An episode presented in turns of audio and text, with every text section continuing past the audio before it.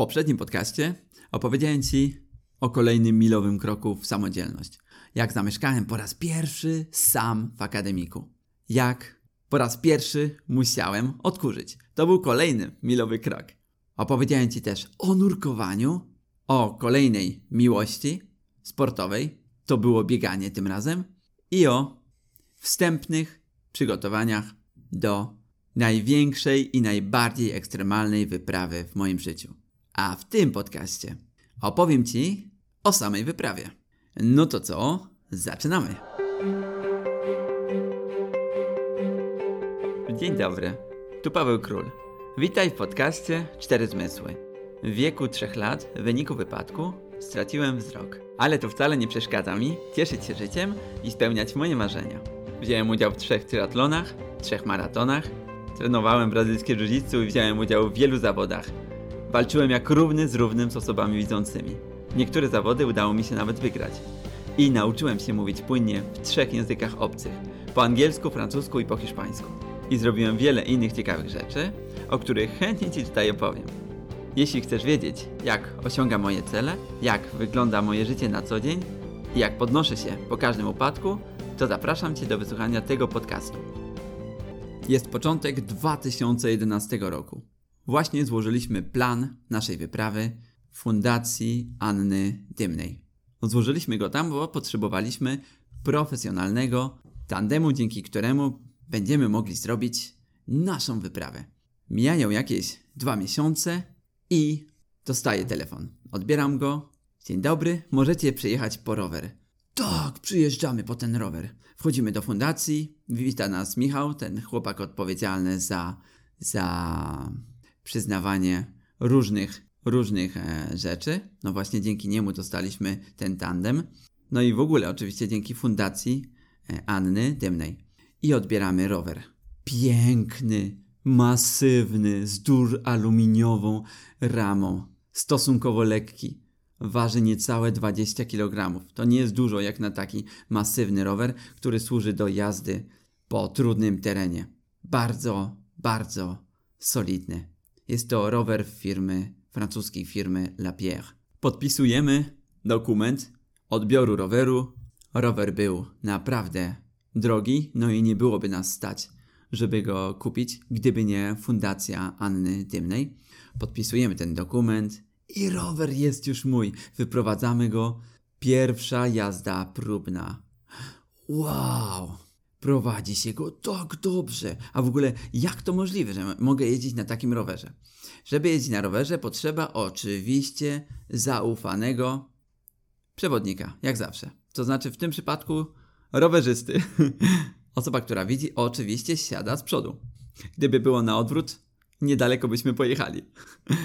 No więc, osoba, która widzi, siada z przodu, a ja siadam z tyłu. Muszę mieć oczywiście jakieś podstawowe poczucie równowagi. Ale generalnie wszystko zależy od osoby, która siedzi z przodu. No i cała reszta nie jest już trudna. Wystarczy po prostu odbić się od podłoża i można ruszać w drogę. Więc robimy pierwszą jazdę, wrażenia są niezapomniane. Zaczynamy pomału przygotowania do wyprawy. Zaczynamy jeździć naprawdę dużo i bardzo regularnie. Przy tym oczywiście dalej dbam e, o kondycję biegając z Jackiem i startując w różnych zawodach. Ale zdobycie samego roweru to jeszcze nie wszystko. Oprócz tego musimy jeszcze zdobyć środki na samą wyprawę. Bierzemy udział w takim konkursie zorganizowanym przez firmę Alpinus. To taka firma robiąca ubrania. Żeby zebrać środki na, na wyprawę, wzięliśmy udział w memoriale Piotra Morawskiego. To był podróżnik i himalaista, który zginął w czasie pewnej wyprawy w 2009 roku. Główną nagrodą, na którą bardzo liczyliśmy, było zesponsorowanie całej wyprawy. Miał być wtedy z nami też Operator, który sfilmowałby naszą wyprawę i potem zrobiłby z tego reportaż. Niestety nie udało nam się wygrać tego memoriału, ale zdobyliśmy jedną z nagród. Nasza wyprawa zajęła drugie albo trzecie miejsce, teraz już nie pamiętam. I dostaliśmy ubrania od Alpinusa o wartości 15 tysięcy złotych. Pojechaliśmy do sklepu, pamiętam, wchodzimy, wszędzie sportowe ubrania, gdzie okiem nie sięgnąć. Ja sięgałem ręką. Mnóstwo było tych ubrań. Wybraliśmy sobie po kilka polarów, kurtek takich grubych, e, zimowych. E, potem wybraliśmy sobie takie kurtki przeciwdeszczowe, kombinezony, buty do wspinaczki, czapki, rękawiczki. No, różne takie rzeczy, dzięki którym e, miałoby na, miało być nam później ciepło i sucho w czasie wyprawy. Odebraliśmy potem te rzeczy.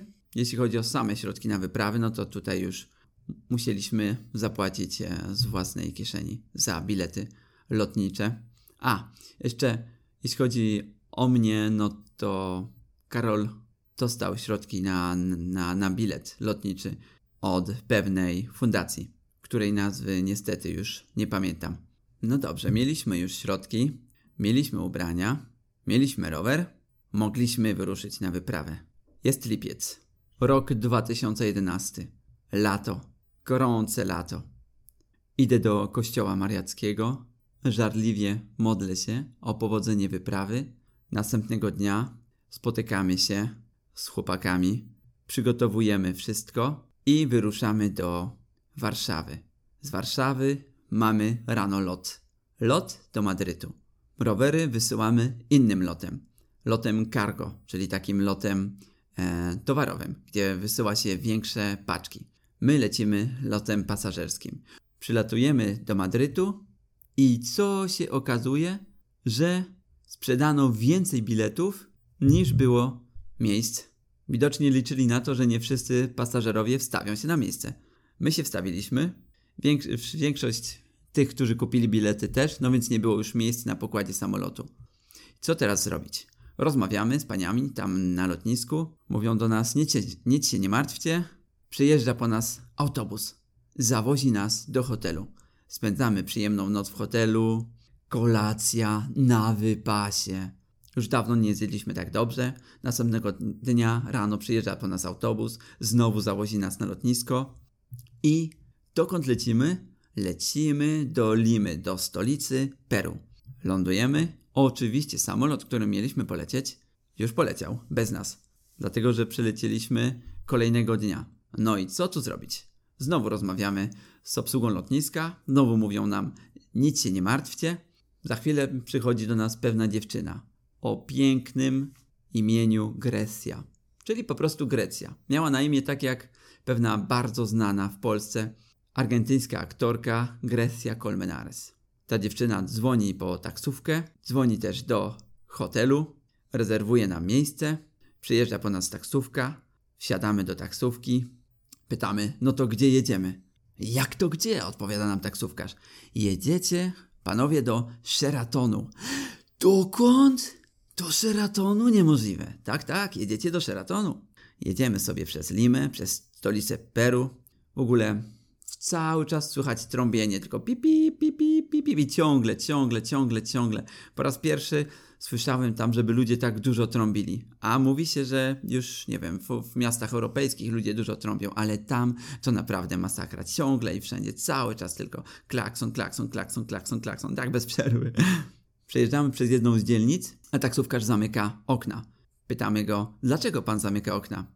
A, bo to jest ta taka niebezpieczna dzielnica. Tutaj są złodzieje. W każdej chwili ktoś może podbiec, otworzyć drzwi i nas zaatakować, albo nam coś ukraść. O, to się spieliśmy troszkę.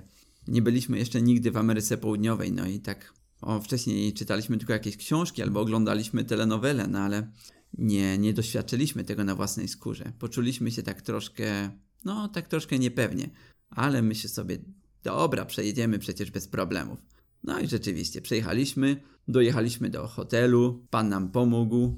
Mieliśmy przy sobie tylko takie duże plecaki, e, no bo reszta tych największych bagaży była w cargo, właśnie w tym locie towarowym. Wchodzimy do hotelu, dywan miał ze 2 cm grubości, naprawdę można byłoby na nim spać, spać na nim zamiast na łóżku. Idziemy sobie po tym grubym dywanie pokazują nam, gdzie jest pokój. Pokój jest po prostu olbrzymi. Łóżko ma chyba ze 2 metry długości i szerokości też. Bo długości to normalne, ale szerokości? 2 metry? Jakbym się nie ułożył? Mógłbym spać tam pod każdym kątem. Łazienka taka luksusowa, ogromna. No nigdy wcześniej nie byłem w takim luksusowym hotelu. Zostawiamy nasze rzeczy, schodzimy na kolację, a tam na stole wszystko, o czym moglibyśmy tylko zamarzyć. To znaczy, jeśli chodzi o kuchnię taką, e, no nie polską oczywiście, tylko raczej europejską, różne rodzaje mięs, różne rodzaje sałatek, owoce. Tak się najedliśmy i cały czas mawialiśmy sobie, że musimy zjeść jak najwięcej, żeby zrobić zapasy na, na wyprawy, bo w czasie wyprawy nie będziemy już przecież jeść aż tak dobrze. Następnego dnia wstajemy wcześnie rano i idziemy jeszcze na krótki spacer po Limie. Recepcjonista ostrzega nas, żebyśmy nie odchodzili za daleko, dlatego że są dzielnice, które są naprawdę niebezpieczne. No i mogłoby to nie skończyć się dla nas za dobrze.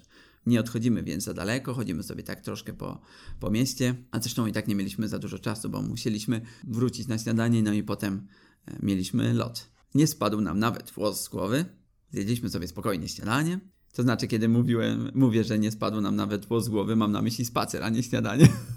Bo śniadanie oczywiście było kompletnie bezpieczne. Przyjeżdża po nas taksówka i jedziemy na lotnisko. Wsiadamy do samolotu. Lot nie jest już za długi. Lecimy z Limy do La Paz. La Paz to jest stolica Boliwii. Wysiadamy tam na najwyżej położonym lotnisku na świecie. Lotnisko nazywa się El Alto i leży na wysokości 4000 metrów. Wysiadamy z samolotu, e, bierzemy bagaże, jesteśmy po prostu zachwyceni tym, że tam jesteśmy. Przyjeżdżamy do domu dla misjonarzy, w którym mieliśmy mieszkać. W ogóle w La Paz cały transport publiczny oparty jest na busach. Nie na autobusach, tylko tam po prostu jeżdżą takie małe busiki. Przyjeżdżamy więc takim busem do domu dla misjonarzy Wchodzimy tam, a wita nas tam w ogóle Alex. Alex jest synem Amerykanina i Boliwijki. Jest taki niziutki, bo w ogóle Boliwijczycy, bardzo wielu Boliwijczyków jest potomkami Indian. Indianie mieszkający w tamtych regionach są, w tamtym miejscu są niscy.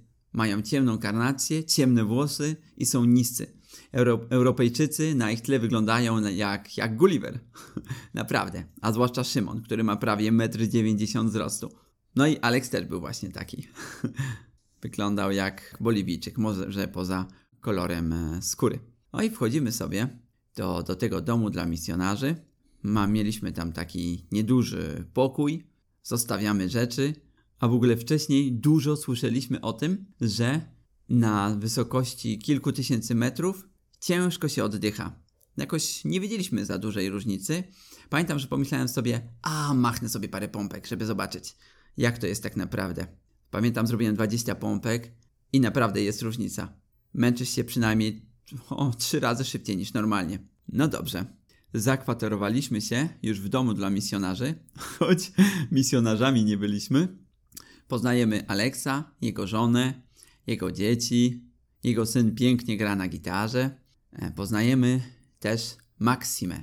Maksima jest taką gospodynią.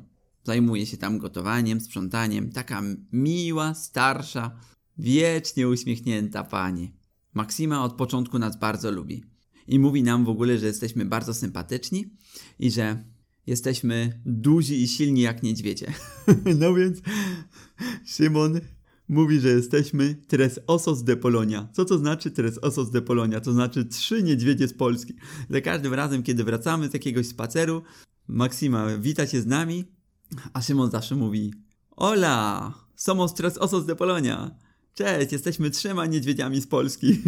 I potem zasiadamy do stołu. Jak wygląda w ogóle typowy boliwijski obiad?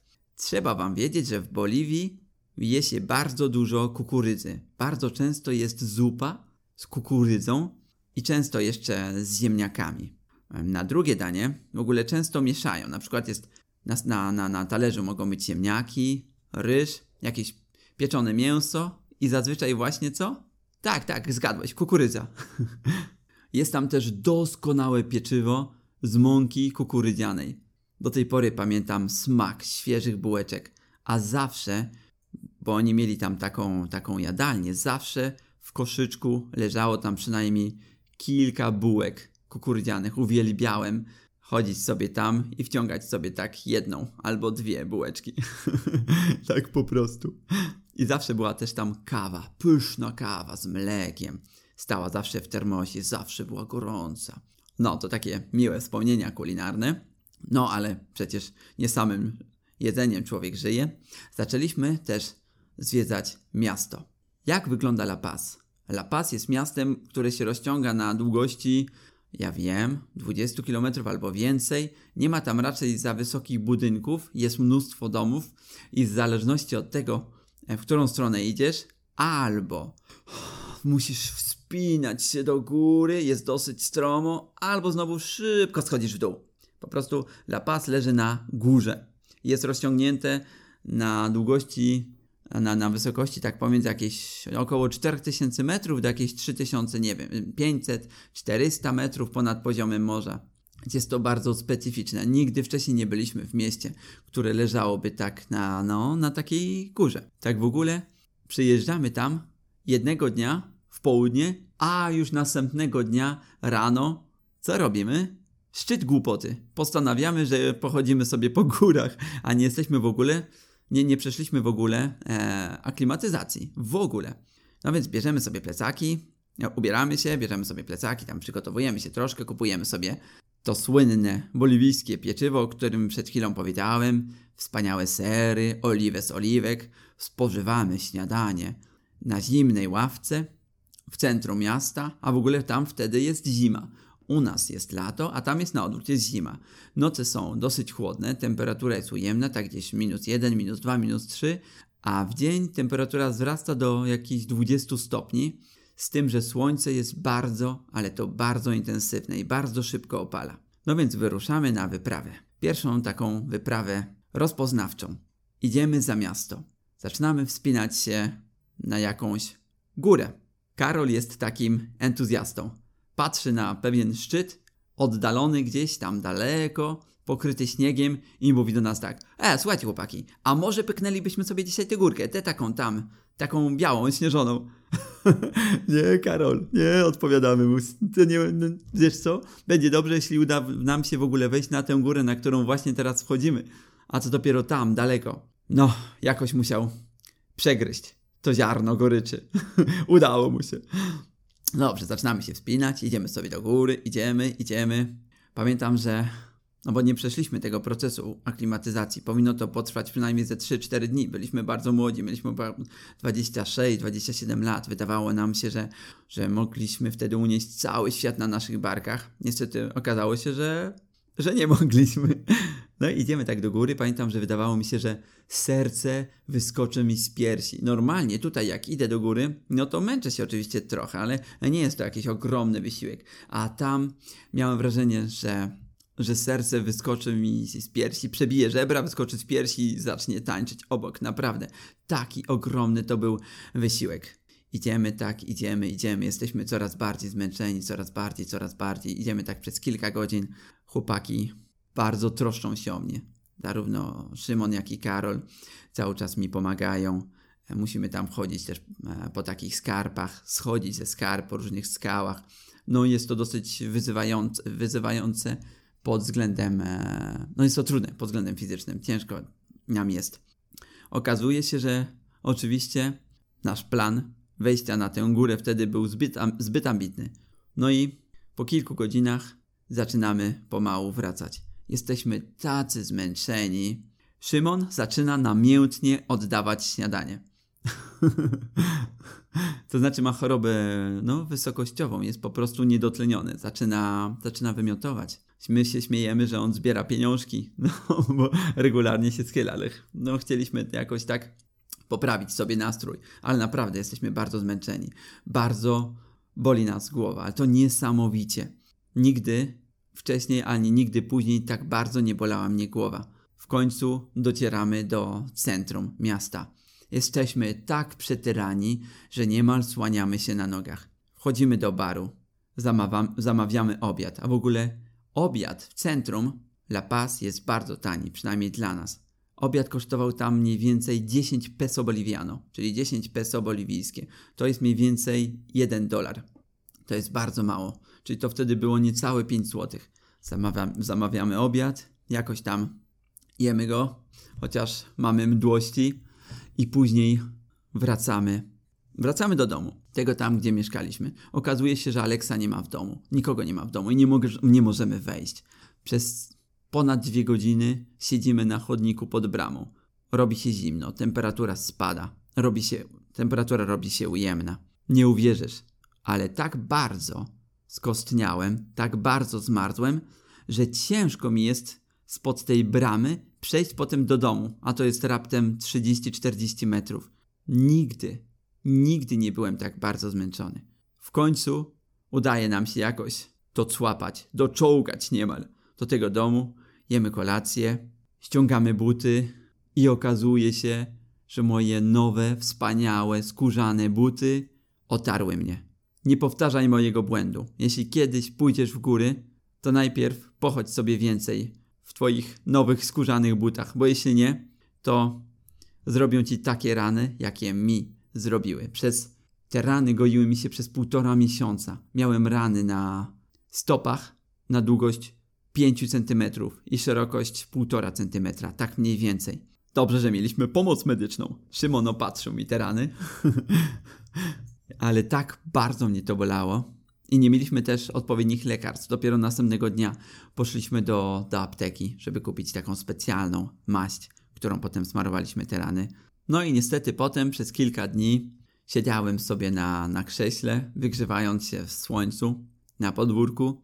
Chcieliśmy, żeby te rany podgoiły mi się trochę, a chłopaki dalej zwiedzały La Paz. Tak to trwało mniej więcej tydzień, aż w końcu przyleciały nasze rowery. Bo nasze rowery w ogóle leciały zupełnie inną drogą, leciały przez Stany Zjednoczone. No i tam zostały zatrzymane przez e, kontrolę celną. No i trochę minęło zanim przyleciały. A jak już przyleciały do La Paz, to okazało się, że nie mogliśmy ich tak po prostu odebrać. Dobrze, że szef tego domu dla misjonarzy, Alex, miał przyjaciela, Eduardo. Eduardo był księdzem i pojechał z Karolem i z Szymonem na lotnisko. Chłopaki potem opowiedziały mi, jak to wyglądało. Mówią, wchodzimy tam, a tam siedzi taki koleś, cały obwieszony złotem. I mówi, no, możecie odebrać wasze rowery, ale będziecie musieli zapłacić 2000 dolarów. Ile? 2000 dolarów? No przecież to niemożliwe. Przecież nawet na całą wyprawę potem nie mieliśmy tyle środków, jak już opłaciliśmy wszystko, a co dopiero, żebyśmy mieli zapłacić tak dużo pieniędzy za odbiór naszych własnych rowerów. No tak, ale wasze rowery są nowe, musicie zapłacić za nie cło. No to niemożliwe, że nie możemy zapłacić 2000 dolarów jakiegoś tam cła. Przecież to chyba jest w ogóle niezgodne z prawem. Nie, nie, to jest jak najbardziej zgodne z naszym prawem, ale na szczęście był tam Eduardo. Eduardo zaczyna rozmawiać, negocjować z tym urzędnikiem obwieszonym złotem. No i udało się. Zapłaciliśmy mu w końcu troszkę ponad 100 dolarów i mogliśmy odebrać nasze rowery. No dobrze, mamy już rowery, mamy wszystkie nasze rzeczy, możemy zacząć naszą wyprawę. O naszej wyprawie opowiem Ci w następnym podcaście. W tym podcaście opowiedziałem Ci o początku naszej wyprawy, o tej łatwiejszej części. A w następnym podcaście opowiem Ci o tym, jak ciężko nam było w czasie wyprawy, jak musieliśmy się wspinać na wysokie góry, jak dużo niezwykłych ludzi poznaliśmy i o wielu różnych przygodach. Już teraz zapraszam Cię do wysłuchania kolejnego podcastu. Bardzo dziękuję Ci za wysłuchanie tego podcastu i jak zawsze proszę Cię bardzo, żebyś podzielił się nim ze wszystkimi. Pozdrawiam Cię bardzo serdecznie i jak zawsze pamiętaj, uśmiechaj się jak najwięcej. Do usłyszenia.